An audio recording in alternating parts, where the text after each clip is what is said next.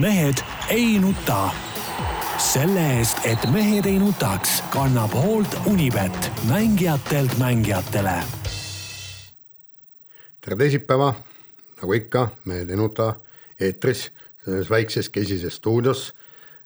Tarmo Paju, Delfi peamees. tervist, ei ole üldse kesine, väga mugav ei tea, mis pagana toolid mingist vineerist, et nagu lapsepõlves, see nagu lasteaias see istud. ongi tehtud selleks nüüd see samm, enne kui Peep saab ka tere öelda, et äh, saada natukene saateajad ikkagi mingitesse raamidesse, et liiga mugavaks ei läheks istumine. ei no jaa, aga see on niheled selle aja ära, Peep Pahv Eesti Päevalehest ja Delfist. tervist, ma ütlen kohe siia, et mulle meeldib see stuudio palju rohkem kui see vana õudus stuudio, kus me olime, aga see isegi see tool on parem kui see vana tool. no näed, Jaan on ikka üks vana, vana viriseja. vana tooli pealt sa kukkusid kogu aeg, libisesid maha seal. sa oled lihtsalt Jaan üks vana viriseja, muud ei midagi. noh, vanusega tuleb ja. igasuguseid asju, nii ja Jaan Martinson Eesti Päevalehest, Delfist ja igalt poolt mujalt. kindlasti teeb sind pahuramaks, vastupidi isegi see ei suuda sind rõõmsamaks teha, et see teadmine, et sa oled kohe varsti sõitmas ikkagi Õudust. eksootilisse Argentiinasse. oh õudust, õudust, ma ei taha, ma, ma ei taha mõelda, ma, ma hakkasin juba täna mõtlema, tähendab, et, et kuidas ennast natukenegi motiveerida. ma just mõtlesin sellele, et, et äh, kujutasin vaikselt juba ette seda pilti, kui ma esmaspäeva hommikul panen hotellitoa ukse selja taga kinni, istun autosse ja hakkan sõitma lennujaama poole et see on, see on nüüd ainukene asi, mis mind äh, motiveerib, sest ma ei viitsi tõesti nii kaugele minna. oleks siis, et ma saaksin selle riigiga tutvuda, aga nagu ma Mehhikos käisin, kujutage ette, ma ei jõudnud isegi, ma mõtlesin, et läheks ostaks sealt kauplusest mingit noh, niisugust äh, Mehhiko pärast salsat või mingit söögiasja kõik kaasa, ma ei jõudnud isegi kauplusse, sest seal oli tõesti tegelikult see äh, ralli oli sedavõrd intensiivne, kellaajad kehvad ja kogu aeg tuli hagu anda. ma siin muidugi jagan Jaani seda seda mõtet, sest et äh, täpselt kahe nädala pärast ma olen ise samas seisus, teen saate ära ja lähen sõidan lennujaama ja pean istuma lennukisse, sõita Tšiili. Ja, ja see neliteist pool tundi, mis annab äh, Pariisist äh, Santiagosse lennuks nagu ei tundu eriti ahvatlev nagu ütleme, see ettepanek nagu päeva veetmiseks või õigemini öö veetmiseks, et see on nagu noh, see on nagu, rallit tahaks muidugi vaadata ja see on nagu äge, mul nagu ralliga ülestamisest pole midagi, aga see, see kuramuse reis sinna kuskile on ikka nii ebameeldiv, et, et. samas kui nüüd äh, spordist. ma tahaks olla ainult siin oma koduses Eestis ausalt öeldes. samas kui näiteks spordist paralleel tuua, siis äh, kasvõi värske näide korvpalli Euroliiga. Äh, pärast seda, kui Fenerbahce kaotas oma mängu Žalgirisele, siis peatreener Obradovitš võttis nagu enda peale, et ikkagi nagu see, kuidas öelda, see mängijate olek ja hoiak, et see on nagu treeneri süü, et ta ei suutnud nagu kuidagi nagu motiveerida neid mehi ja kuidagi õigesse seisundisse ajada, mis tähendab, kuhu ma jutu ta-, jutuga tahan jõuda, et Peep, see on nüüd sinu lühikese aja jooksul ülesanne ikkagi Jaan nii-öelda nagu ikkagi nagu ära motiveerida ei, mind motiveerib näiteks see ka motiveerib, et, et ma saan nüüd Argentiinaga.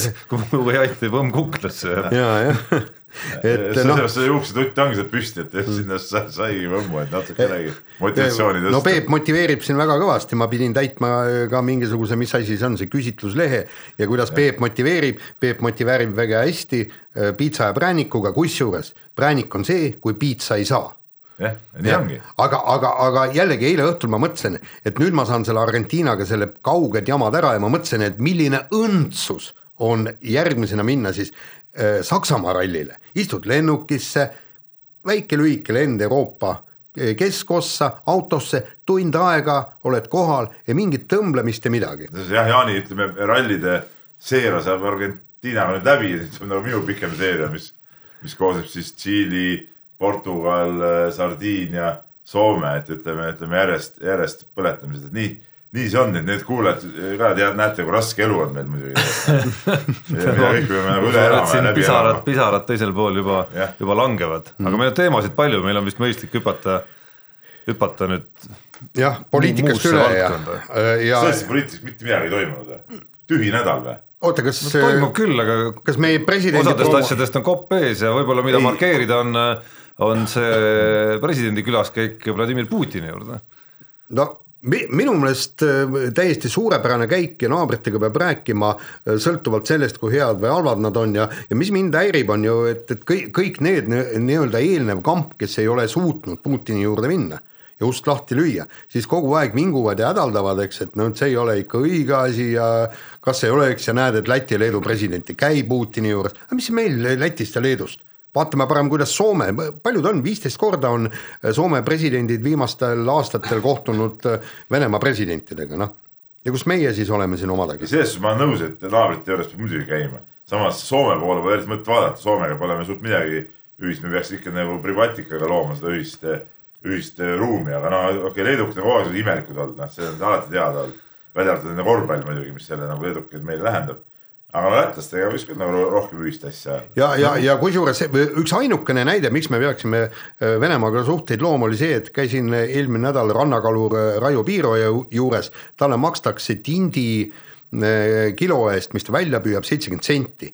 ja, ja ta ütles niimoodi, et, et kui Venemaa turg oli lahti, siis oli, käis jutt mingist kahest, kolmest, isegi neljast eurost kilo eest et tähendab, ühesõnaga tänu sellele, et, et meil on lepi-, Venemaaga kehvad suhted, teenib ta tindi püügi pealt neli korda vähem, noh, see ei ole normaalne. ja Nii. no ma toetan ka seda mõtet, et ja, ja mis mul jäi, mis mul jäi, jäi nagu häirima kogu selle loo juures, oligi see hala, mis seal juures kohe nagu lahti läks, et mis nüüd kõik viltu läheb ja ja kus kõik oleks pidanud arutama seda asja ikka enne, kui president selle asja ette võttis ja no kuulge las ta olla, kuigi eile Välisilma saates tema intervjuu muidugi mingi väikese varjundi andis juurde, kus mul jäi mulje, et see oli nagu natukene presidendiga selline egotripp, et, et saaks nagu noh, niimoodi kergelt liialdades vastu rinda taguda, et näed, ma ikkagi käisingi Putini juures ära, aga isegi kui oli, mis siis, kõva siin, sõna, kõva sõna tegelikult ikkagi. kuna olen Välisilma saate suur austaja, ma ei saanud otse vaadata, vaatasin järelvaatamist pärast järgi ja ma pean sinuga nõustuma, et see nagu mitte, mitte kerget vastu, seal ikka kahe, kahe rusikaga trummeldati. küll ma ikka olin tubli tegelikult. see oli kui... päris, jättis päris naljaka, naljaka. no aga kui inimene on, no mis seal ikka noh. kui inimene on tubli, miks siis mitte hurraa hüüda iseendale. nii, aga laseme nüüd spordiga edasi ja täna on meil meeletult palju üldse kogu saates korvpalli, nii et, et minul on nagu day off peaaegu, et et vennad, andke nüüd äh, kuuma, et nii palju, kui ma artiklitest loen, siis äh, Kalev Cramo üha paremini mängib ja juba siin mõned pealkirjad on, et annab tormi hoiatusi, nii edasi, nii edasi, kas me siis äh, peaksime nüüd lootma, et et järgmine vastane ehk siis veerandfinaalis võib-olla HKSK, võib-olla kes see seal kaaslane uuniks, et, et need ka langevad nagu või? HKSK nüüd kindlasti ei langeks, see on, see on nagu selgemast selgem ja, ja, ja ma arvan, et pikas seerias, need on ikka kolme võiduni mängitavad seeriad. noh, ei ole nende suurte satside vastu ikkagi väga suurt võimalust Kalevil.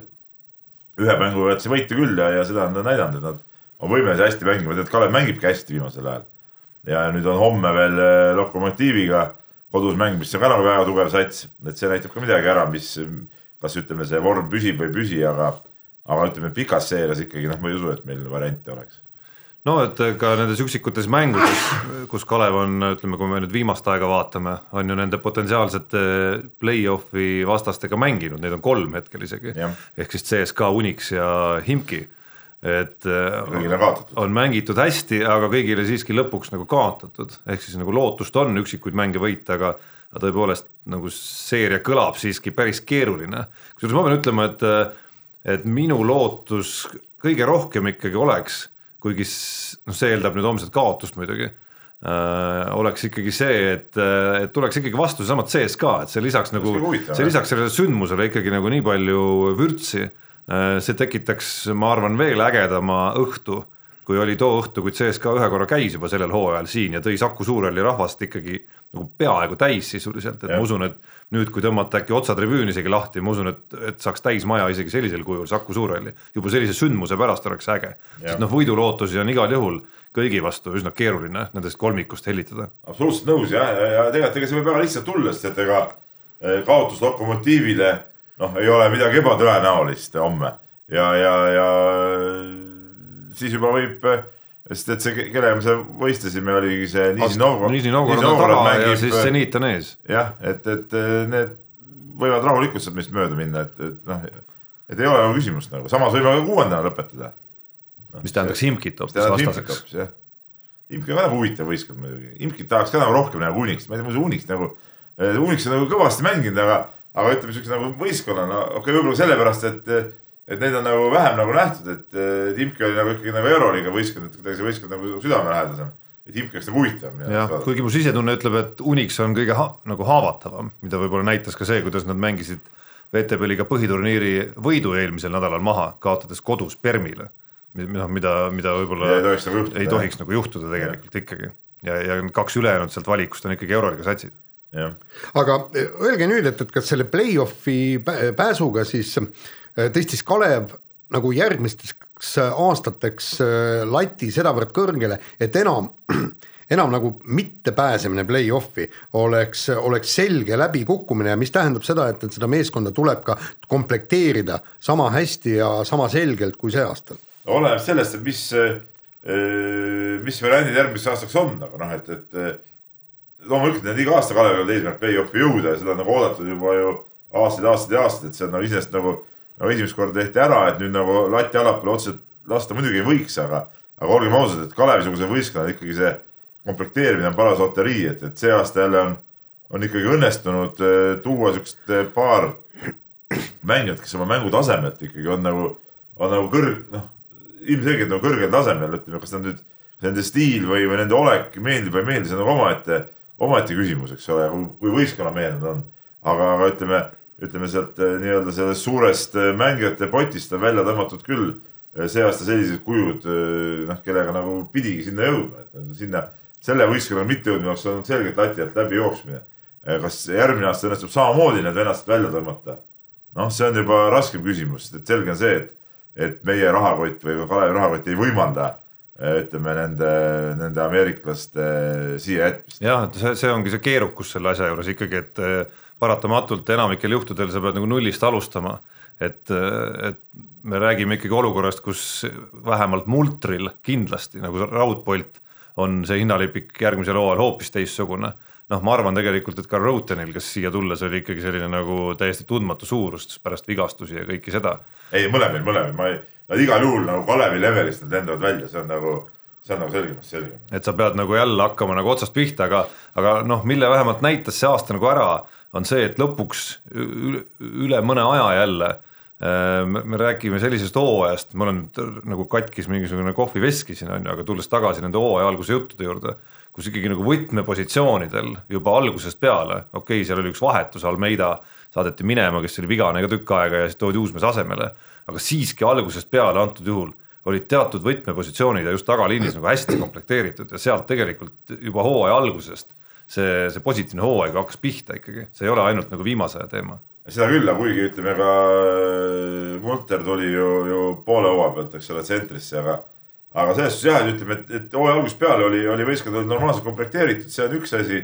ja, ja teine asi on see, et ikkagi äh, peatreener Kairis ikkagi on suutnud ka need. Äh, ma olen täiesti veendunud, need ei ole nagu lihtsad kujud, need Ameerika poisid, et on suutnud ikkagi mingilgi määral Äh, võistkonnale allutada, et, et kuigi seal noh, ikka viskab ikka peaaegu iga mäng sisse mingeid episoode, kus, kus nagu tundub, et noh, need nagu päris kõik nagu korras ei ole, eks ole, seal ülevalpool ka, siis, siis noh, tegelikult ikkagi nad on äh, Nad ei ole suutnud nagu meeskonnale kahju teha, pigem nad ikka, nad on ikka kasu teinud. no eks see on sihuke kolmik ikkagi, mul on tunne, et see on, see on see kolmik, kellega sa nii elad kui ka sured, ehk siis nagu VEF-i mängu meenutades, siis äh, halval päeval sa sured nendega, aga enamikel õhtutel, kui me vaatame VTB liigat ikkagi, sa lihtsalt ratsutad nende meeste seljas sest noh, nende talent lihtsalt kannab sind eh, läbi enamike õhtute VTB liigas, seda on hooaeg lihtsalt tõestanud ja, ja kogu lugu, et sa ei saa hakatagi seal noh, ma arvan, et noh, nendele meestele sobib see vabadus, mille sa annad neile.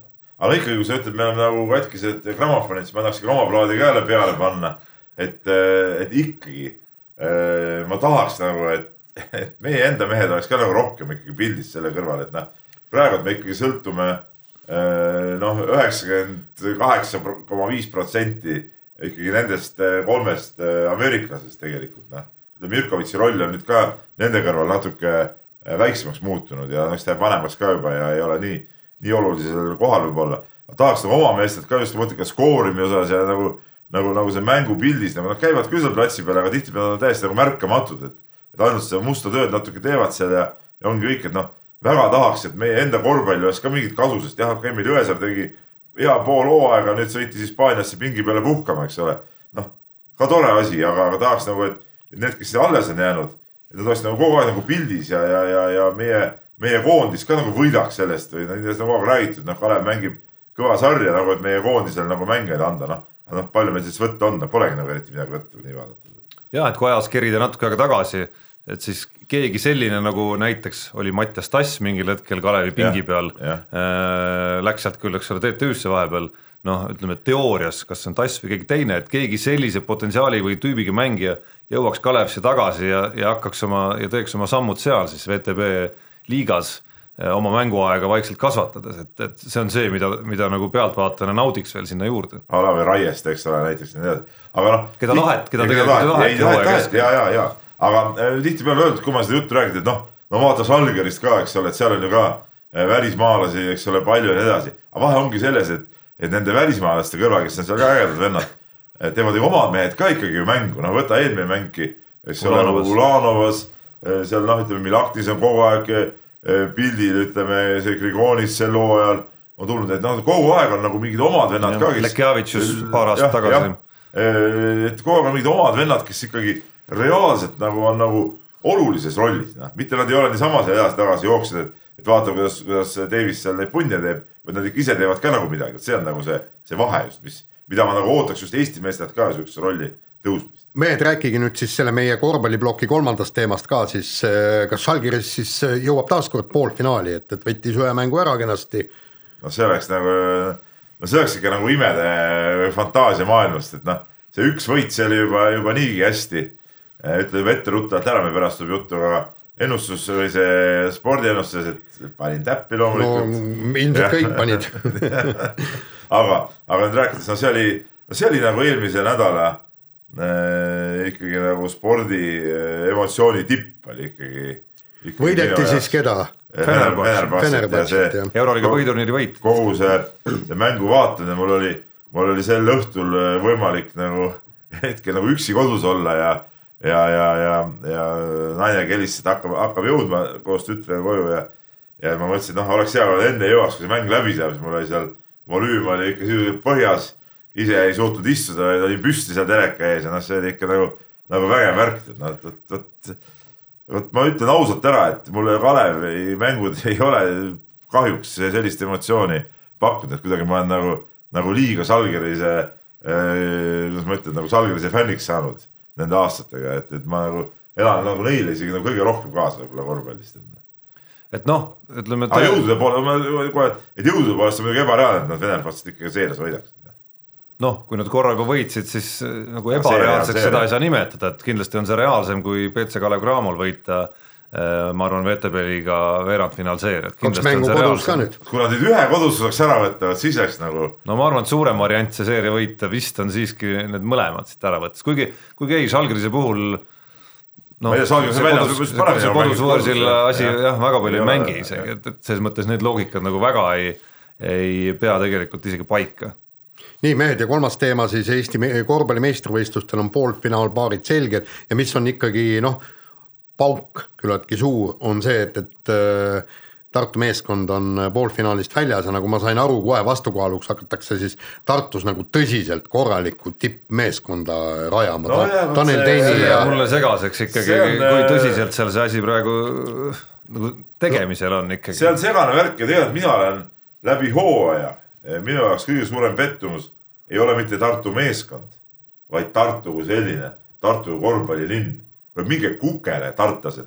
kurat, teil oma noored mängivad, teil on seal kolm, nelisada, viissada inimest saalis ja mis asja te veel tahate saada? mis äh, tippkorvpalli tead, las need vennad nüüd tulevad üles. kui seda satsi poleks olnud, meil poleks need Rosenthalid ja Kivid saanud niimoodi mängida, juba tulevad mängumehed on juba kahe-kolme aasta pärast võib-olla täitsa normaalsel tasemel ja kui te ei taha oma meestele kaasa elada, no siis te ei ole õiged korvpallifännid ja nii ongi ja siin polegi tartlastel muud midagi ütelda. et mingit, kusjuures ma mingit väga suurt tragöödiat sellest isegi antud Tartu satsi puhul ei oskaks nagu välja lugeda, et et kui play-off'is teed juba viisid kokku, noh natukene õnnetul moel tegelikult Tartut äh, Kaleviga, kes, kes äh, nagu koosseisu vaadates noh, tegelikult peakski olema poolfinaali meeskond Eestis siiski. meenutame seda aega, kui äh, oli hooaja algus ja kui treenerit vahetati, siis äh, seesama TLÜ Kalev konkureeris siiski ju selles Eesti-Läti ühises liigas kogu liiga neljanda koha peale ikkagi Jah. ja võitles Ogrega selle koha nimel, ehk et Eesti klubidest oldi ilmselgelt teisel kohal. et see, et nad üldse kukkusid niivõrd alla, oli natukene nagu õnnetu saatusega asjaolu Tartu meeskonna jaoks. et selles mõttes ma nagu tartlaste asemel nagu, nagu mingit väga suurt häire, häirekella sellest sellest faktist nagu üksinda ei tekitaks. see võistkond saab minna aastalt, aastalt praegu paremaks. noh, see, millest on antud juhul võib-olla äh, noh, suures pildis on see võib-olla väike küsimus, aga aga antud äh, viimase mängu juures oli see nüüd huvitav nüanss, millest rääkimise mõttes võiks korra veel juttu teha, on nüüd see, kuidas see seeria lõppes muidugi, ehk siis äh, kogu see videokorduse teema seal kogu see, kogu see võidu kolmene, mis vist tegelikult mul on tunne, oli ikka kahene. no see tunne, see olla meil on tunne, sest me ei näe seda. No me ei näe ju seda, Gregor Helmet seisab ees, me ei näe ju seda. et, et, et see ongi noh, tunne on küll, mul on ka tunne, et see tundub nagu ebaloogiline. et ta suutis sealt, kus ta palli sai, hüpata kolmese kaare no taha umbes meetri jagu ikka Jah. pidi hüppama sealt no, tagasi. aga, aga, aga noh, see võiski nii olla, et ma nagu ei, ei hakka siin pead nagu pakku panema, et, et no oli nii nagu oli, aga, aga mis ma tahan öelda, et see selline videokorduse vaatamine mingisugust eh, Delfi tv mingist ühest kaamerast, mis kuskil saja meetri kõrguselt lae alt seda pilti võtab, no see nagu jura. seal ei ole midagi vaadata. ja no siin tuleb inimestele muidugi korra üle korrata, et antud juhul otsust ei tehtud videokorduse põhjal, et see on nagu mingi eksi selline äh, visioon Jah. kogu sellest olukorrast, et otsuse pidid tegema kohtunikud ja siis nad läksid vaatama videot, kas nad sealt saavad teada, et nad eksisid otsusega mis on selline Ja klassikaline teada, videokorduse siis süsteem, kuna nad seda teada ei saanud, siis see otsus, mis nad algselt tegid, jäi jõusse, ehk siis otsus oli nende oma nüüd on küsimus, kas nad äh, tegid selle õigesti või mitte ja seda mulle tundub, me ei saagi kunagi teada. seda me ei saagi kunagi teada, see ongi, ongi nii. kes mängivad finaalis? ei no Kalev Cramo mängib kindlasti finaalis. noh, see TalTech ja no mul keel muidugi ei painu seda nime ütlema, ikka TTÜ või tipp on ikka paremad nimed. see või Tallinna Kalev, noh, polütehniline instituut. tipp ongi. Ja, ja, ma räägin. jah, jah, et ähm, äh, tead, ma ütlen ausalt, Jaan, see on nagu fifty-fifty. see fifty-fifty, aga, aga äh, see TalTech on see aasta ikka hästi mänginud, et ma loodan, et nad nagu, nad nagu jõuavad äh, finaali välja. okei okay., nii ja teeme nüüd kõlli. Unibetis saab tasuta vaadata aastas enam kui viiekümne tuhande mängu otseülekannet. seda isegi mobiilis ja tahvelarvutis. Unibet, mängijatelt mängijatele kiire vahemäng muidugi jätkub jälle korvpalliga, me oleme siin. ise sa panid need ise No mi- ja, No kõik kuulajad teaksid. Jaan, eks ole, eile vedeles kodus, andsid talle puhkepäeva, et saaks enne suurt reisi nagu taastada, jõudu koguda. Siis tema pani teemad kokku. Ilmselgelt ta ei tahtnud eriti palju ise rääkida, seepärast ta söötis mulle ja Tarmole ette nagu meile meelepäraselt teemat. jaa, aga midagi ei ole teha, lihtsalt korvpalliteemad olid äh, kõige intrigeerivamad äh, läinud nädalal ja äh, Andres Sõber, meie kuulus Rakvere karude treener, jah. ja siiski jälle eksid ja. Kadrina. Kadrina, aa Kadrina karude. Rakveres on Tarvas, jah, õige, õige. et seal Virumaal on ikka siuke loomade kokkupõrge on nagu. jah, karutreener äh, andis siis mõista, et ta hea meelega äh, tahaks saada Eesti, Eesti koondise. kas karu ja tarva, ütleme omavahelises heitluses, ütleme, kas karu saaks tarvale tulla, see peab sarved sinna ette ja kas saab üldse kallale ei tulla? no aga kui selja tagant tulla ja kõrri karata. no karu on matsakas, kus ta seal hiilib seal. ei ta ei hiili, ta on tegelikult jookseb, jookseb väga kiiresti ja puu otsast võib ka hüpata. nii No äh,, tahab Eesti koondise peatreeneriks saada. On üldse mingisugune, milline võimalus üldse on, kas on, kas on null protsenti või kaks protsenti võimalust, et Andres Sõber saab koondise peatreeneriks?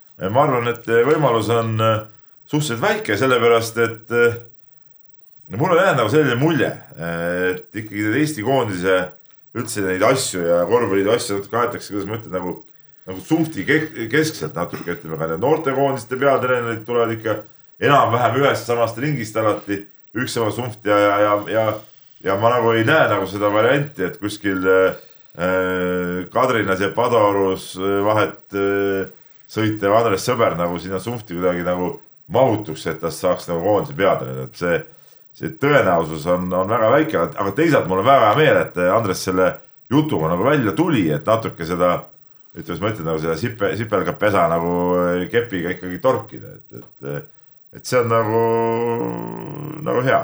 no mingit diskussiooni Andres ikkagi Sõbra isik välja tulla. ja Andres Sõbra isik garanteerib muidugi selle, et see, see protsess saab tähelepanu rohkem, kui see ilmselt muidu oleks saanud. muidugi, muidugi. teadmata hetkel, kes need teised on, kes, kes kavatsevad selles asjas kaasa lüüa. no natuke on see, mind nagu häirib tegelikult äh, korvpalliliidu poolne seisukoht, mis nad nagu välja ütlesid, et nad nagu enne seda suve keskpaika need koondise peatreenerid paika ei pane, kuna neil ei ole, no okei okay,, ma saan aru, ei ole selget seda nagu, mida siis koondise peatreenerid pakkuda. et, et kas me mängime valiksarja või ei mängi, eks ole, ja nii edasi. aga no mis vahet seal on? ja koondise peatreener praegu paika panna, siis tuleks nagunii panna tsükli lõpuni, ehk siis kas valiksarja lõpuni või siis äh, finaalturniiri lõpuni, et, et, et see koondise peatreener ka praegu paika panna, et hakkaks nagu tegema plaane ühes või teises suunas ja, ja mõtlema, kes seal mängiks ja nii edasi. et suund peaks nii ehk naa olema finaalturniir, kas me saame sinna otse või, või läbi valiksarja, et sellel pole mingit vahet tegelikult. et me ei pea nagu ootama praegu selleni. Ja kui me ei mängi valiksarja, siis me mingi koondise programmi peame ikka kokku panema, ega mis ei ole nii, et me, et me kaks aastat koondis kokku ei tulegi, no see, see ei ole ka nagu reaalne noh, üks, mis, üks mõte, mis mul veel tekib siin sellega, et ma ei ole päris hästi aru saanud ja üleüldse ajaloos sellistel kohtadel, et miks üldse peab olema selline asi nagu konkurss antud kohale. ja see on rahulikult kummaline. see, see on nagu kummaline asi tegelikult. Ja tegelikult peaks korvpalliliidu eesotsas olema siiski mingi nägemus, mida saada tahetakse. Ja siis sellele vastavalt hakatakse ka oma valikuid tegema, rääkima potentsiaalse kandidaadi või potentsiaalsete kandidaatidega, ükskõik siis kust otsast on need Donaldas Kairised, Tiit Sokud või Andres Sõbrad, et see, see on nagu niisugune veider protsess ausalt öeldes jah, see on veider, ma olen sellega nõus, et, et minu arust ka ei peaks peatreenereid valima mingi konkursi alusel, no see ei ole nagu mingi, mingi missivoor, et, et, et kes seal ilusam ja räägib toredamat juttu, vaid. vaid ikkagi alaliit teeb valikuid selle järgi, mis, kes see treener on, mida ta on teinud, mis on tema potentsiaal ja nii edasi ja, ja see on nagu selge nägemus, me tahame näiteks. et Jaan, sina tuled meil, eks ole, peatreeneriks, me sind tahame, räägime läbi. okei okay,, sa ei tahtnud, siis vaatame, kes on nagu meie järgmine valik mitte nii, et me teeme mingi konkursi, et no ma ei tea. Tarmo, Jaan, mina, sina, kõik saadame avaldused sinna. Eh, no oletame, ma ei tea, kas see on, aga oletame näiteks, et, eh, et, et korvpalliliidul on soov justkui midagi muuta. Eh, justkui teha mingisugune uus lüke, aga siis konkursile justkui nagu ei saabugi ühtegi sellist uut mõtet, et, et mis siis nagu edasi saab. et ma, ma, ma julgen kihla vedada. konkurss läbi kukkunuks, antakse välja ainult teine preemia ehk siis see saab abitreenerit abi, ma julgen arvata näiteks, et Donaldas Kairise-sugune mees. äh, noh, ma ei, ma ei afišeeri teda, kuna ma ilmselt arvan, et ta peaks nui neljaks saama, aga no näiteks teda, tema nimega on ju ringi käidud, on ju, et miks mitte, kui ta, kuna ta Kalev Cramos on ju tublisti hakkama saanud. et ma kahtlen, kas selline mees tuleb, hakkab kandideerima mingil konkursil. aga samas võivad jälle konkureerida mingid mõned väljamaalased näiteks kelle olemasolust noh, kindlasti võib-olla teatakse, aga keda nagu esialgu ei nähtagi öö, koondise peatreenerina aga, aga ühel hetkel tuleb paber, jah, ma kandideerin, et siis hakatakse mõtlema. mina olen sellise asja vastu nagu nii, no sellist... koondis on ikka koondis, koondis on Eesti värk, las Eesti mehed teevad ei no ütleme, niipidi see asi päris ei käi, Jaan, et äh, üldiselt paremad mehed on ikka need, keda sa nii-öelda ise oled otsinud ja, ja, ja tahad neid ise saada endale. ehk siis, kui peakski olema meil visioon, et me tahame välismaalt näiteks kedagi, mingit vaheldust, mida Peep küll ei toeta, aga noh, mina selle vastu otseselt ei ole noh, siis see protsess käib ikkagi nagu vähe teistpidi, siis sa nii-öelda otsid ikkagi sellist figuuri, hakkad ise otsima, kes justkui sobib kes ikkagi sinu jaoks, on ju. ja selleks on päris palju ametimehi ikkagi ütleme siis korvpalliturul, kes aitavad sul selliseid mehi leida vastavalt sinu rahalistele võimalustele ja, ja mõtetele, aga vahetame teemat ja jääme veel korra korvpalli juurde. juba mainitud TLÜ Kalevi ja Tartu Ülikooli korvpallimeeskondade veerandfinaalseeria lõppes siis sellise kurioosse stseeniga, äh, kus nägime siis äh, Kalevi klubi äh, presidenti Sten-Erik Jansonit hüppamas pärast võidukorvi kohtunike laua kõrval oleva vahetusmängijate pingi otsa ja siis seal näitamas Tartu meeskonna pingi poole ma ei teagi, mis see õige väljend nüüd no, nüüd nagu, nagu, nagu olema peaks, mis jah, suhteliselt ro, nagu roppu žesti ikkagi, no roppu ütleme. roppu jah, no eks see ütleb selle meie kohta kõik. no ma just mõtlesin selle peale, et äh, väga noh, erinevaid mooduseid on, kuidas inimesi lahterdada erinevat moodi, eks. noh, üsna populaarne lahterdus on meil praegu poliitilisel areenil, aga noh, on, on oluliselt põhi, põhimõttelisemaid ja, ja selliseid nagu veel olulisemaid lahterdusi siiski ja, ja üks neist ma ütleks vähemalt minu arvates on küll see, et on olemas inimesed, kelle arsenali nagu kuuluvad sellised žestid.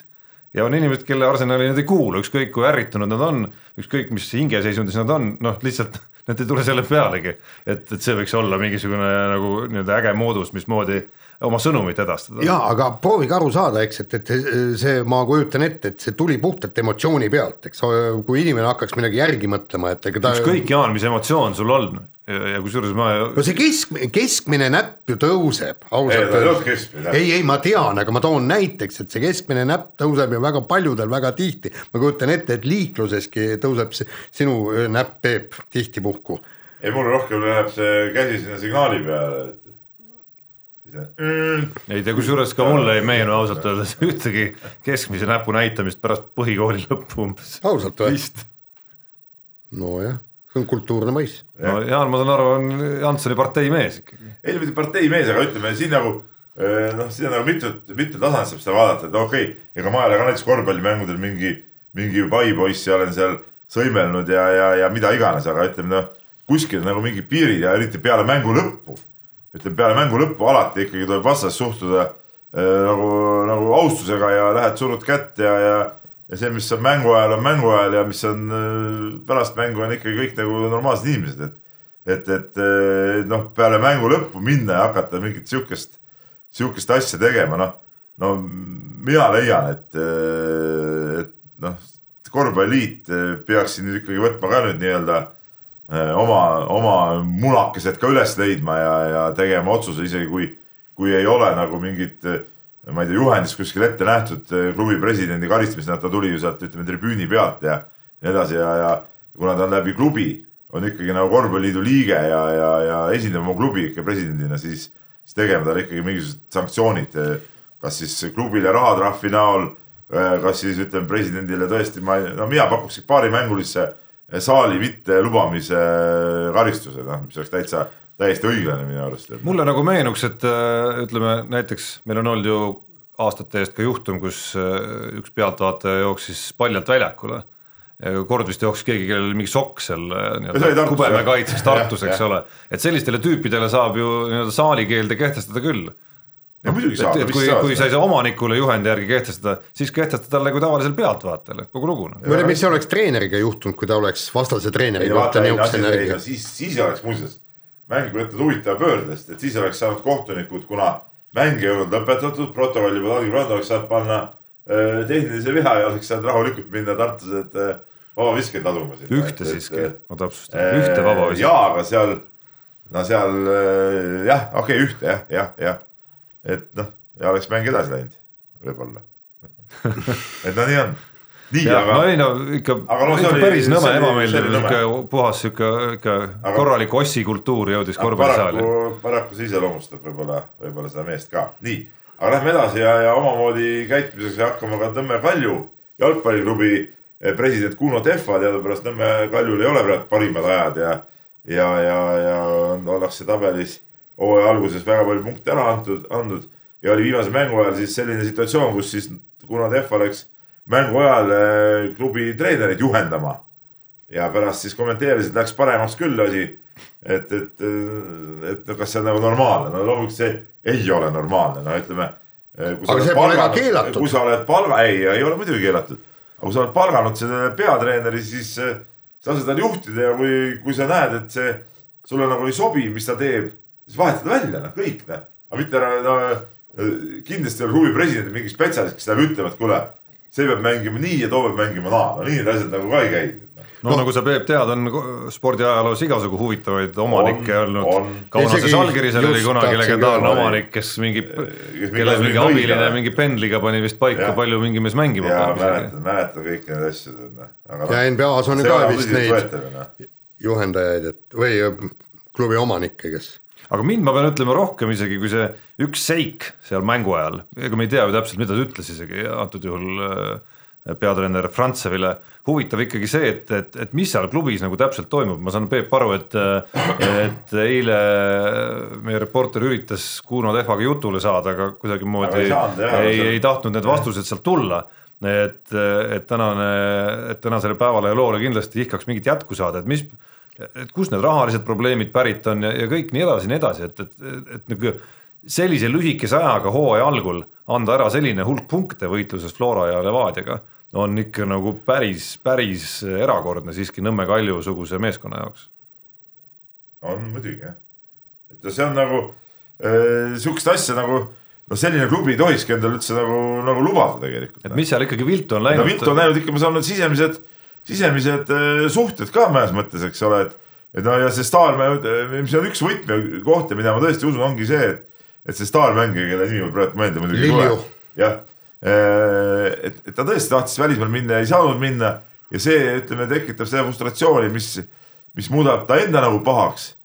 ja nagu ütlevad siin klassikalised treenerid, see muudab ka terve võistkonna pahaks, eks ole ehk siis ta mõjub terve võistkonda nagu negatiivselt ja sööb seda oma olekuga seda võistkonda nii palju seestpoolt, et, et õiget mängu ei tulegi. jah, no võrkpallis. eelmine me... aasta nad tema, tema väravatel ja tema mängule väga palju tuginesid. sest võrkpallis me nägime ju vastupidist pilti, kuidas üks eriti motiveeritud, äkitselt eh, mingi erilise inspiratsiooni üles leidnud eh, legionär, vastupidi, kandis meeskonna tiitli. jaa, absoluutselt no nii, aga lähmegi äh, nüüd äh, võrkpalli juurde ja Eesti meistriks kroonitud Pärnu võrkpallisats äh, pärast seda, kui oli lõpuvile kõlanud, võttis välja valged kaabud, mehed panid pähe, mitte kõik ei pannud muidugi pähe, seesama brasiillane, see pani korraks pähe, võttis ära, kaabuga käinud, aga ülejäänud vehkisid kaabudega, et, et kas see oli siis härradele helmetele äh, tehtud žest ja Aavo Keel nagu keskerakondlane no, näitas just ja näitab täi, täit toetust EKRE-le. ja nii ongi. Pärnumaal ma juhin tähelepanu, oli EKRE valimistulemus üks kõige kõvemaid üldse. no nägid. et seal oli väga, seal on väga palju toetajaid. absoluutselt nii ongi ja, ja, ja aga mis, aga mis, mis jama see on, Jaan, kas sul ei ole kaabut olnud kunagi? ei ole, mul ei ole kaabut aga minu isa näiteks, kes oli lihtne autojuht omal ajal, no ta pärit juba juba esimese vabariigi ajast, eks ole, ja, ja nõukogude aja viljastavates tingimustes olnud. temal oli küll kaabul näiteks. Ja kui me läksime näiteks, ma mäletan, kui ma olin väike poiss, me läksime rongiga, sõitsime Tallinnasse sugulaste sünnipäevadele, siis, siis, siis tal oli küll vahest see, see kaabu ja, ja meil, mul oli ka onu, kes oli ka sihuke lihtne mees, aga tema käis mõnikord kaabuga. ehk siis, ehk siis need Kaabu on väga, väga soliidne asi ja, ja, ja miks ka mitte. Noh. muide, täna kuskilt, kus. see kus... ei ole, ütleme, see on jälle nüüd nagu, nagu pandud jälle ma ütlen nagu see peavoolumeedia poolt nagu sellist halvustavasse tooni. miks sul endal kaabut ei ole? aga kes ütles, et ei ole? No ma ei ole näinud sind tulemas kaabuga. kas sa oled mind üldse näinud kunagi peakattega käimas või? no ikka oled, sul on Sony müts väga. ei, olen kindlasti kunagi olen no, jah, mingi läki-läki moodi asja. ei, ei, sul on Yassini Sony müts on ka. jah, jah ütleme, ma kannan mütsi üldiselt üli-üliharva. võib-olla siis, kui ma olen talvetingimustes suusatamise kuskil võistlustel või talvel rallil või siis ma kannan, aga ma, ma mütsi ma ei kannata.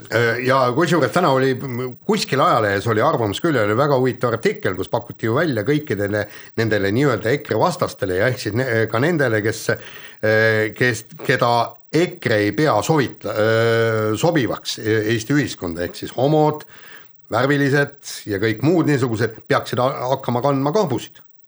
et, et. sulandada massi, jah? Et mitte sulandada massi, aga, aga et kui selle peale, et näiteks kõik homod Eestis kannavad kaabusid, siis tahaks näha, et kuidas äh, härrad Helmed sellega leppida suudavad ja kas nemad jätkavad kaabude kandmist. kui see on. siis tuleb ei. nagu uus tüli majja nagu. Nad kaaperdavad nende stiili. ja siis, siis ma arvan, siis läheb alles mässuks. aga no mis ma ütlen, ei kaabu on väga-väga okei okay asi no,. ja, ja, ja Pärnu võidule meil on ka hea meel, et need kaabud, nad said need kaabud pähe panna, Aavo Keelt tervitame alati no,. tal oli, kahekümne aasta jooksul oli see, tänases loos just oli kirjas. neljateistkümnes. kolmeteistkümnes vist, kui ma nüüd õigesti mäletan mm.. mängija ja treener, päris kõva värk ikka, päris kõva tegelikult jah, noh kaabudest rääkides mul tuli meelde, et paar nädalat tagasi käisin äh, poes, äh, mitte üksi loomulikult Just. ja see oli üks väga äh, väsitav kogemus pidin väga palju ootama seal ja selle ootamise käigus sattusin ka kaabude otsa, tulemuseks näed. Väga hästi, väga hästi sobib kuidas sulle. tundub? sobib küll sulle, jah, sa oled siin lõpuks ometi soliidse välimusega. soliidse välimusega, muidu oled nagu poisiuss nagu sa oled meil siin, eks ole, tead noh. aga on... kas mitte, kas mitte nagu siin varsti, Jaan, kas sa oled kutse saanud või? ei, millele, kellele? mitte ühel mehel varsti äh, nagu ju, jubilei nagu nagu tulemas või, ah? ma ei ole nagu kutset saanud, milles asi on, sa ei austa sõpru või, ah? Ära muretse, Peep, ära kuule, aga muretse. ostsid ära selle kaabu siis või? ma ei ostnud seda kaabut. Aga- ei, osta. ma, kingime talle. ai kurja oli mul vaja. ma panin asjad mis- mis sul number? ta Tarmo, me ootame kutset. ma võin sulle öelda, ja siis mul on ka kingitus ma lihtsalt manitsen praegu, et, et mulle üldse ei meeldi, kõik üks asi, mida ma kõige rohkem vihkan kodus, on igasugune träni, mida vaja ei ole. no kaabu ei ole ehk. siis, sa ju kannad, sa oled ju nilbete mütside kandmise ehk maailma siis, ehk siis, ehk siis väike hoiatus selles osas. ei, aga sa oled ju nilbete, sul olid No see ei ole sinu jaoks ei, nilbet. see küll, sa ütled träni ja sa ju kannad igast imelikke mütse, oli kunagi olid need rippuvate mingite asjadega. See oli väga hea. õudne, mis oli kõige õudsem peakatte maailmas, see oli, see oli väga hea müts, kahjuks, kahjuks kadus see ära. jumal tänatud. Peep, ma arvan, on võib-olla osaline olnud selles, aga kiire vahemängu lõpetuseks anname sõna veel meie kolleegile eh, Eesti Rahvusringhäälingust ja ekskolleegile siitsamast majast, Aet Süvarile, kes eh, andis eh, intervjuu ja muuhulgas viskas õhku siis sellise lause, mis puudutas siis eelkõige seda kriitikat või, või seda noh, pidevat arvamist eh, telekommentaatorite kohta ja Aet siis sõnas nii, et tema ju ei käi ringi ega ütle poemüüjatele või teistele, et kuule, sa ei meeldi mulle. aga aga kommentaatorite kohta on see selline üsna, üsna tavapärane, aga midagi ei Selle- teha. eks see käib, eks see käib selle avalikkuse avalikkuse tähelepanuga kaasas ja mitte ainult loomulikult äh, teleinimestel, vaid, vaid äh, poliitikutest kuni näitlejate ja no muusikuteni. olge, olgem nüüd ausad, et ega meie siin saates küll patust puhtad ei ole, ma läksin endale autot ostma ja siis äh, seal öeldi, vaadati mulle otsa, öeldi, et me ei julge sulle autot müüa, sellepärast et, et kui meil mingi jama jälle juhtub, siis võtab Peep Pahv jälle eetris sõna ja et äh, ma siis ütlesin, et noh, tehke siis head tööd ja Peep Pahv on ka nagu profileerib ennast ümber nagu EKRE mehed, kes on nüüd äh, väga ausalt muutunud. Vaatasin auto üle. no see on normaalne auto, et okei okay., aga ma ütlen teie automüüja, kui ma saan aru, saate kuulaja, Jaanil ei olnud mõtet sellist autot müüa, eks ole. ja auto oli nagu ilus, ma nägin Jaani käes oli see olnud kolm päeva. aga ma arvan, et ütleme kolme kuu pärast on see täpselt samasugune peldik nagu see vana Toyota tal oli, sest esiteks punkt üks, ta mitte kunagi ei korista oma autot, ma ei tea, ta mitte kunagi ei ole, ma arvan tolmuimejaga oma autos käinud, eelmises autos, mitte kunagi. Ei- seal see kultuurikiht oli mingi seitsmekümne aastane. ta ei pese mitte kunagi oma autot. ei, miks see pesema ikkagi isegi, isegi enne, kui selle auto ära viisin, muide No see osteti isegi ära, isegi siis käisin see pesemas auto. hinna, mis ära osteti no tervelt sada viiskümmend eurot sain selle eest. et no üleüldiselt noh, ja no peale Jaan ei oska sõita autoga ja ta ei oska hinnata neid auto mugavusi ega neid neid detail, detaile, et noh, talle oleks võinud anda tavalise mingi puuratastega hobuvankri ja sellest on täitsa paratamatult. nojah, räägib mees, kes, kes elas ikkagi vist päris pikalt niimoodi, et eh, mis ma sellest Bluetooth'ist telefonist sisse lülitan. aga ma, mul on juba see ei, muide. kulutab aku ju ära, et miks ta, miks ma teda miks ma teda autos ära ühendan. mugavusest ma räägin seda, et See ongi puhas mugavus. käetugi siin, seal, paned talda, kumb see vilistab. Peep on ka puhas mugavuse küsimus. Bluetooth ma ei pane siiamaani sisse. see no palju. õnne, räägib mees mugavusest Vahest. panen. isegi Jaan on selle ära õppinud. Ja jaa, juba panen., asi ei ole õppimises, vaid et mis mul on mõnusam on ju siin telefoni käes hoida, tead, kui ma räägin, sõidan. see on esiteks ja alustades äh, on see seaduse rikkumine, Peep, ma tuletan meelde, ei soovita mitte kellelegi. kõlli peame laskma. no lase kõlli. las esipolitseinik mõtle, vajutab millist siis., millist, no laseme seda. Nonii, oli mingi kõll või? No, ei oli, kuulnud väga. meie jaoks oli see nagu hääletu kõll, jah, nii oli. nii, Kirjad. kirjad ja kirju on palju ja. Kell on ka ja, palju jälle. ja oi-oi, kell on väga palju. me võtame kiiresti, siin on mitu kirja on tulnud selle varri teemal ja no see varr on viimasel ajal olnud küll nagu, nagu üks, üks, üks saatanast asi tead ja, ja, ja Kalle siin kirjutas eh, meile, meile varrist ja Anti kirjutas ja, ja, ja asja mõte on siis see, et, et, et ka see varr, punkt üks äh, ei ole nagu see, kus eksimused oleks täiesti välistatud. punkt kaks on see, et, et, et äh, selle kaob ära nagu spordi nii-öelda nagu see üks, üks võlu ja spordiaudingu osa ehk võidujoovastus ja emotsioon. et, et noh, sa lööd kui näiteks jalkas värava, rõõmustad ja siis nagu noh, nagu võtame see meil Champions League'is oli, eks ole, eelmine nädal äh,. Manchester City lõi värav ära, juba rõõmustasid seal äh,. ja siis ikka selgus, et nagu ei olnud nagu väravat ja kuidagi nagu hiljem ja siis on see pettumus suur, no siin alles oli see Soome naiste hokikoondise värk, millest me vist eelmine saade juba rääkisime. et noh, et, et see varr on ikkagi saatanast ja ma olen seda kogu aeg rääkinud ja nagu näete nüüd, nüüd see nii ongi läinud. Peep, keegi kuskil kirjutas, ma, ma tõesti mäletan, see oli vist tänases lehes, kui kirjutas, et äh, tuleb nüüd uue reaalsusega äh, harjuda ja kui sa lööd värava, siis hoiad emotsioone äh, pingul, aga veel ei rõõmusta, ootad varje ära ja siis lööd käed üles, jee, hurraa. Jaa, aga noh, me räägime ikkagi ju olukordadest, no eriti Soome okinaiste puhul, kus küsimus ei ole ju varris, probleem ei ole varris, vaid probleem on selles, kes seal taga istus. et kuidas selline asi üldse võimalik saab olla et küsimus on selles antud juhul, et, et siin ei ole ju varr süüdi. ei no, varr, no varr on nagu koondnimetus kõikide videokoldustele. vaid mingi süsteemne viga ikkagi selles süsteemis ja, ja mul vägisi kipub ikkagi ka tunne, et mingi kallutatus selles süsteemis, et et noh, sellist asja ei tohiks saada lihtsalt kuidagimoodi juhtuda seal on nagu selles juhtumis on nii palju asju valesti, alustades protseduurireeglitest kuni, kuni selleni, mismoodi praktikas ma ei tea, keegi inimene, kõlab absurdselt, et keegi sai üldse nagu nii-öelda hokireeglitel põhinevalt sellise otsuse teha. nojah, aga noh, nii ongi noh, see, aga kui me, kui seda järelvaatamisvõimalust poleks olnud, oleks kõik nagu ilus olnud ja mind just häirib just see, just see emotsiooni tapmine sellega. no just. et see ja noh. aga noh, seda, aga seda teevadki täpselt sellised otsused. ei, no aga see, no tegelikult ka see ikkagi, et nagu see jalkas oli, noh okei okay,, seal oli see millimeeter sinna-tänna võib-olla, eks ole, aga sa lööd see värava ära, minut aega rõõmustad ja siis hakatakse kuskilt vaatama, siis tuleb, et ei olegi väravat, noh. et noh, selles suhtes on nagu noh, see ei ole nagu okei okay., nii. aga Viktor Vihmavari, meie vana kirjasaatja, kirjutab meile, et ta pole meie saate enam jupp aega kuulanud. alates sellest saatest, kui te sõimasite Tallinna Kalevi presidenti, kes andis Gerd Kullamäele kinga, et see oli nii lapsik ja rumal, et võttis igasuguse huvi ära mõneks ajaks.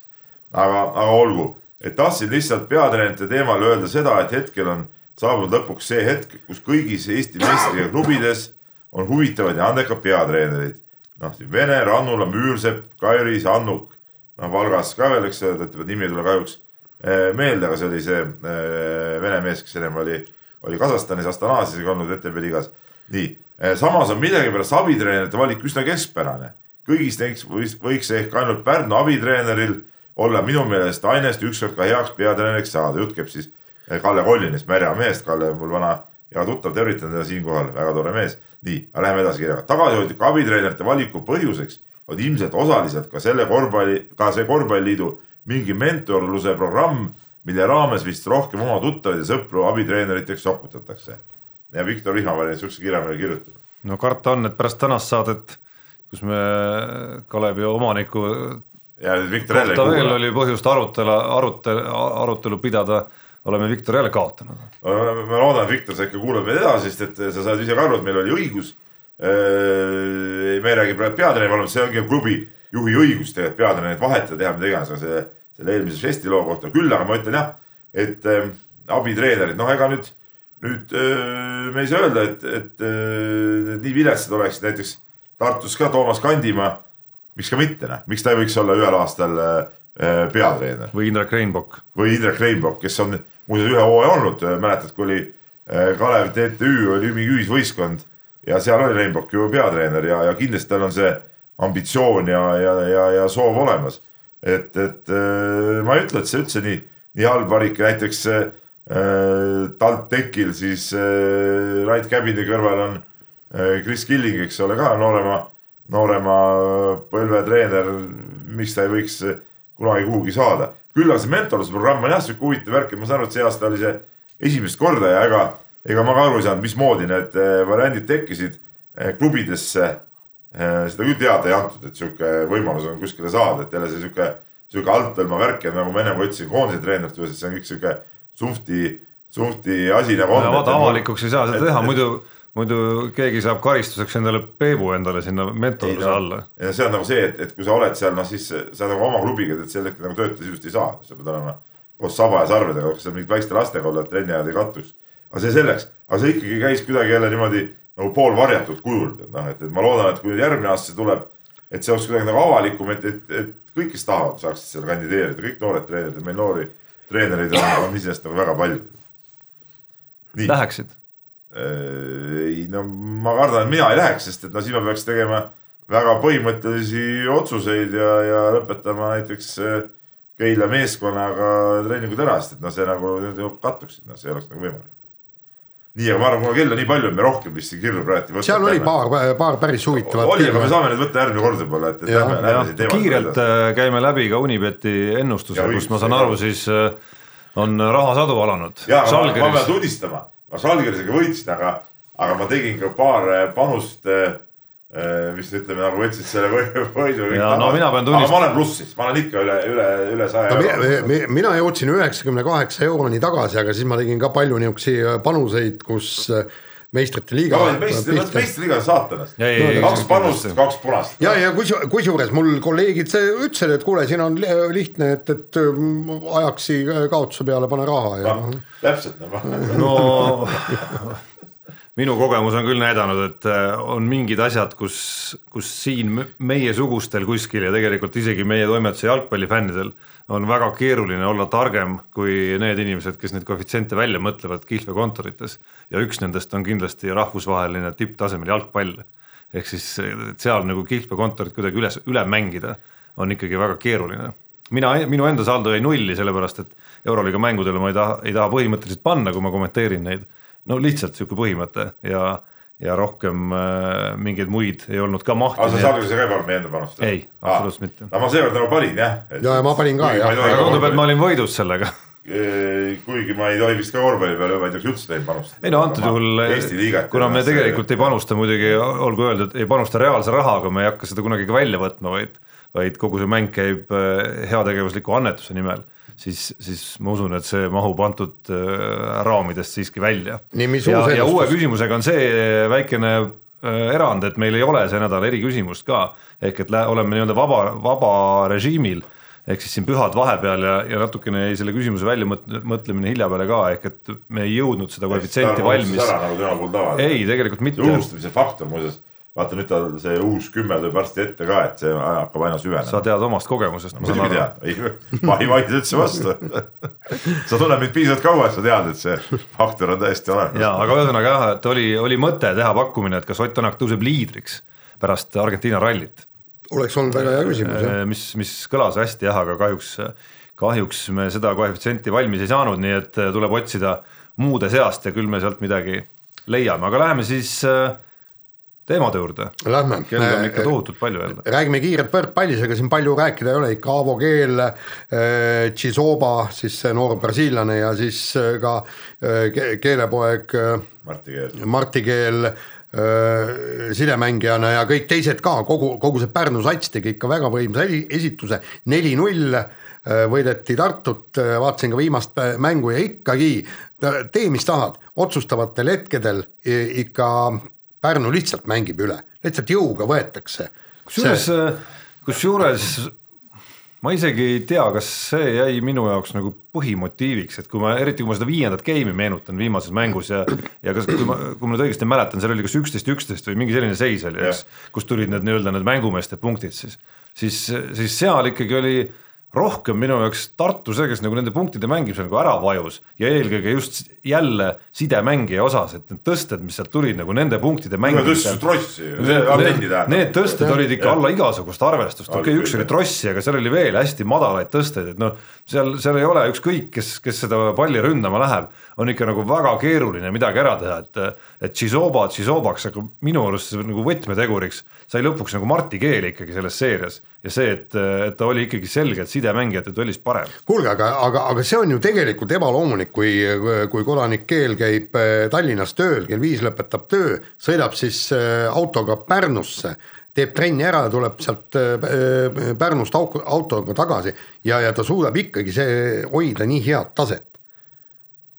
aga, aga, aga näed, eks noh, nagu, nagu isa ka äh, intervjuus vist oli Õhtulehele, eks, ütles, et, et poisil pole piisavalt hüppevõimet, et äh, rahvusvahelisel tasemel läbi lüüa nojah, ta ütles, et kui tekib mingi hea välismaa plaan, et siis ta oleks nagu või noh, mingi pakkumine.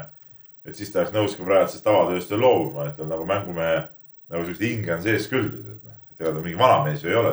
jah, aga no samas ei saa ka ju öelda, eks, et, et äh, nagu Tartu ja Saaremaa hooajad täiesti lörri oleks läinud, Ei, igaüks tihti. hooaeg tervikuna oli nagu ide- ideaalilähedane tegelikult, kui välja arvata see, mida Tartu suutis pakkuda finaalseeria kahes esimeses mängus, et see oli nagu alla lati jooks ja see jättis sellele finaal, no jättis selle finaalseeriale natukene ja seda on ju asjaosalised ise, ise ka öelnud, sellise halva maigu natukene juurde. et, et kui Tartu oleks suutnud esimesest mängust alates mängida nii nagu kolmandas-neljandas, noh, see, see seeria oleks lihtsalt olnud nagu vaatamise mõttes ägedam ja ma usun, et nad oleks siis vähemalt ühe mänguga kätte saanud. et nüüd jäi neil lihtsalt kaks mängu aega vähemalt seda ühtegi kätte saada, noh mis kaks korda viiendas game'is ei õnnestunud siiski. aga vahetame teemat kiirelt, markeerime ära taas ühe korvpalliteema, ehk siis Henri Trell ja Sander Raieste on andnud ennast üles tänavuseks NBA draftiks ja küsimus on ju põhjendatud, kas Martin Müürsepp saab lõpuks omale mantlipärija? ma tunnistan ausalt, ma ei oska selle kohta midagi ütelda, et see on päris huvitav jah, nad on üles andnud, ma saan aru, et Henry Trellil eriti öeldakse, et on mingi teise ringi valiku võimalus ka võib-olla olemas.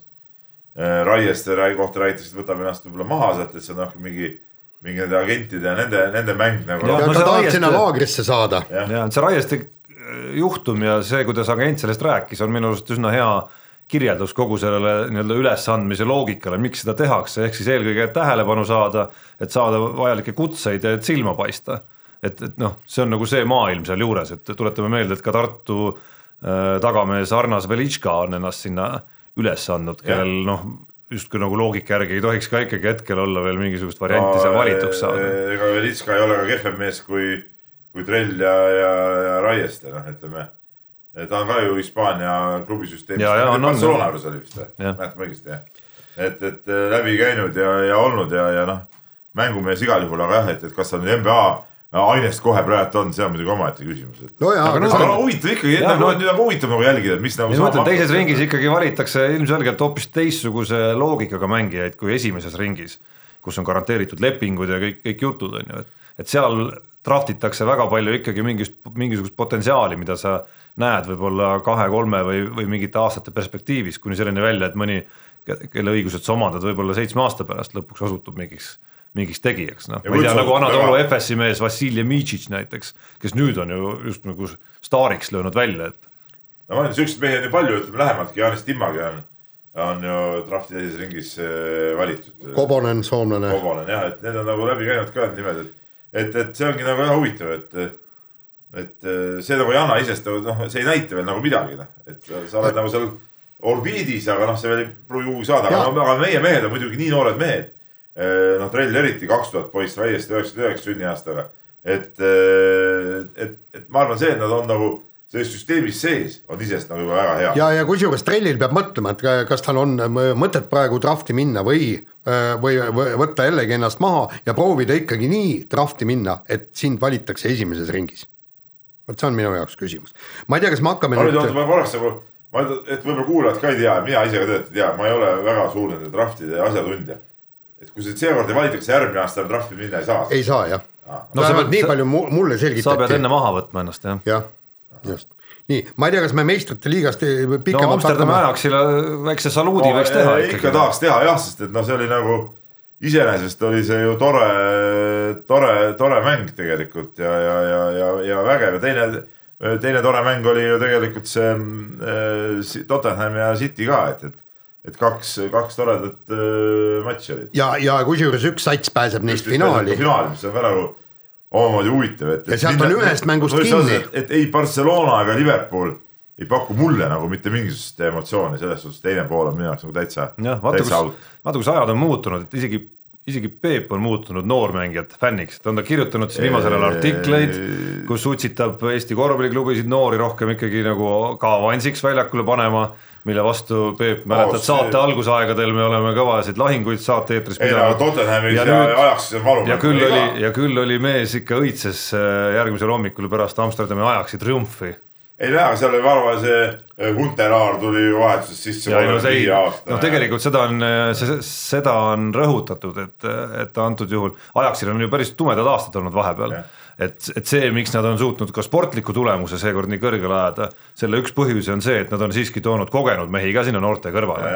ja mitte ainult, ainult, ja mitte ainult, ja mitte ainult Huntelari. nii, nii, aga nüüd kiirelt. mulle lihtsalt meelde. Blind oli või Blind, kuidas ta hääldatakse, eks ole, seal kaitse poole peal näiteks.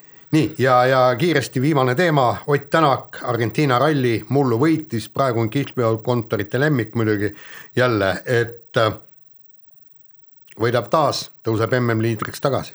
no Või? võrreldes, no siin jälle see, see stardipositsioonide jutt hakkab ka nagu ära viskama natuke, aga ütleme, see on võrreldes konkurentiga nüüd jälle tal nagu soodsam jälle. et, et ja Argentiina ralli eelmine aasta näitas talle ülivõimas seal ju tegelikult. Just ja, ja, ja miks ta ei peaks nagu see aasta sama võimas olema? ja, ja kui, kui juba Ogier ütles, et tal on väga hea stardipositsioon üle pika aja, ta ei ole kunagi, Ogier ei ole kunagi Argentiina rallit võitnud, ütles, et nüüd ma- stardin teisena, et see on palju parem stardipositsioon kui esimesena. Ja kui juba tema loodab seda võita, siis Tänak läheb ju teele kolmandana ehk siis temal on veelgi natukene, natuke parem see asi ja, ja ma kindlasti eh, arvan, et need mehed on eh, kiiruse poolest ikkagi noh, vähemalt võrdsed, kui mitte Ott samas on seal taga ju mehi, kellel on veel parem stardipositsioon. No seda nüüd küll, kas jah, te need aga- tahate kõik maha kanda, nad on ju näidanud. Miigid ja Evansid on näidanud ju küll kiirust ja. vot, vot tegelikult on see Evans on nagu märkamatult nende rallidega tõusnud siukseks nagu, nagu mustaks hobuseks, ütleme tema kohta. Hooaja eel mina küll ei arvanud, et ta võiks mingisse mängu kerkida ja, ja ütleme, tema M-spordis jätkaminegi oli suure küsimärgi all. Oligi täpselt, just. et, et aga see koht nagu, nagu jäi ja mulle, kuigi mulle tundus see kohe imelik, et miks, miks Sunineni eelistatakse Evansile, eks ole, et Evans on ju tegelikult eh, võitnud ju ralli, ta on ikkagi olnud nagu juba mingid kogemused on nagu olemas ja, ja ta ei ole nagu paha mees, see on nagu ilmselgelt, aga, aga ma arvan, et ta nagu nii kõvasti võib põrutada, nüüd ta on pannud ju, ju, ju väga hästi, eks ole, siin oli, oli, oli ju, oli ju see ebaõnnestumine ja nii edasi, see ebaõnn õigemini. aga tervikuna mees näeb väga head kiirust ja, ja ma arvan, et, et hooaeg on veel väga noor, et siin okei, vahed on küll sees praegu, aga, aga siin võib veel huvitavaks tuliseks minna. ja, ja kusjuures tema on see kaardide segaja ja kui me hakkame jällegi sealt tagantpoolt jälle tulema, eks, et kindlasti on, no Latval on võima-, võimeline poodiumile lõppkokkuvõttes ikkagi tulema ja, Ja- ja Miik on ja võimeline ja Esa-Pekka Lappi äh, on juba poodiumil on, olnud ja, niimoodi, ja, et ja. et, et seal, seal tegelikult läheb tihedaks, et ega me, me ei saa rääkida ainult Tänakust, Neville'ist ja Ogier'st, kui me räägime ühe ralli ühe ralli kontekstis kindlasti kontekstis, mitte jah. nii, aga sellega pakime oma saate kokku, kuidas me järgmist eh, saadet teeme, ma ei tea, ma olen kuskil Argentiinas, ma ei ole, mine, mine tervita minu poolt siukest meest nagu Mario Kempes. ahah, oota, minu läbi aegade lemmikuid seitsmekümne kaheksanda aasta MM-i oota finaalturniir. Peep, huvitav, kus, kus tänapäeval äh, Manu Ginobili ja Luis Scola ja siuksed mehed on, nendele saadaks ka tervist. Neile saaks ka tervist, jah. kas, kas mitte selle, selle koha lähedal, Herman Valter oli üks see Argentiina koondise üks kandilisemaid robustsemaid mängumehi, kui sa mäletad. Jaa, see pikajuukseline blond.. Oli Herman Valter vist. Valter Hermann. Valter Hermann, seda igal juhul seal piirkonnas ma, ma, ma nüüd äh, vaatasin, ma seal Google Mapsist natukene vaatasin seda piirkonda, kas see oli siis seal Cordoba lennuja, lennujaama lähedal või kuskil oli Mario Kempesi nimeline staadion igal no juhul. vot, Maarjo Kempes tegime tegusid siis, kui Tarmo Paju, kes varsti jõuab uude aastakümnesse, ei olnud veel sündinud. oligi nii vist või? jah, no vot siis. Aga meie Peebuga juba jälgisime ja, ja hoidsime pöialt. see tõstabki meid, vaata, Tarmo. natukene kõrgemale. mul on väga hea meel teie üle, super, super. loodan, et te olete õnnelikud. ja me oleme õnnelikud nii. Jaan eriti. just, aga saade on kokku pakitud, kuulake meid nädala pärast,, naudi siis oma reisi.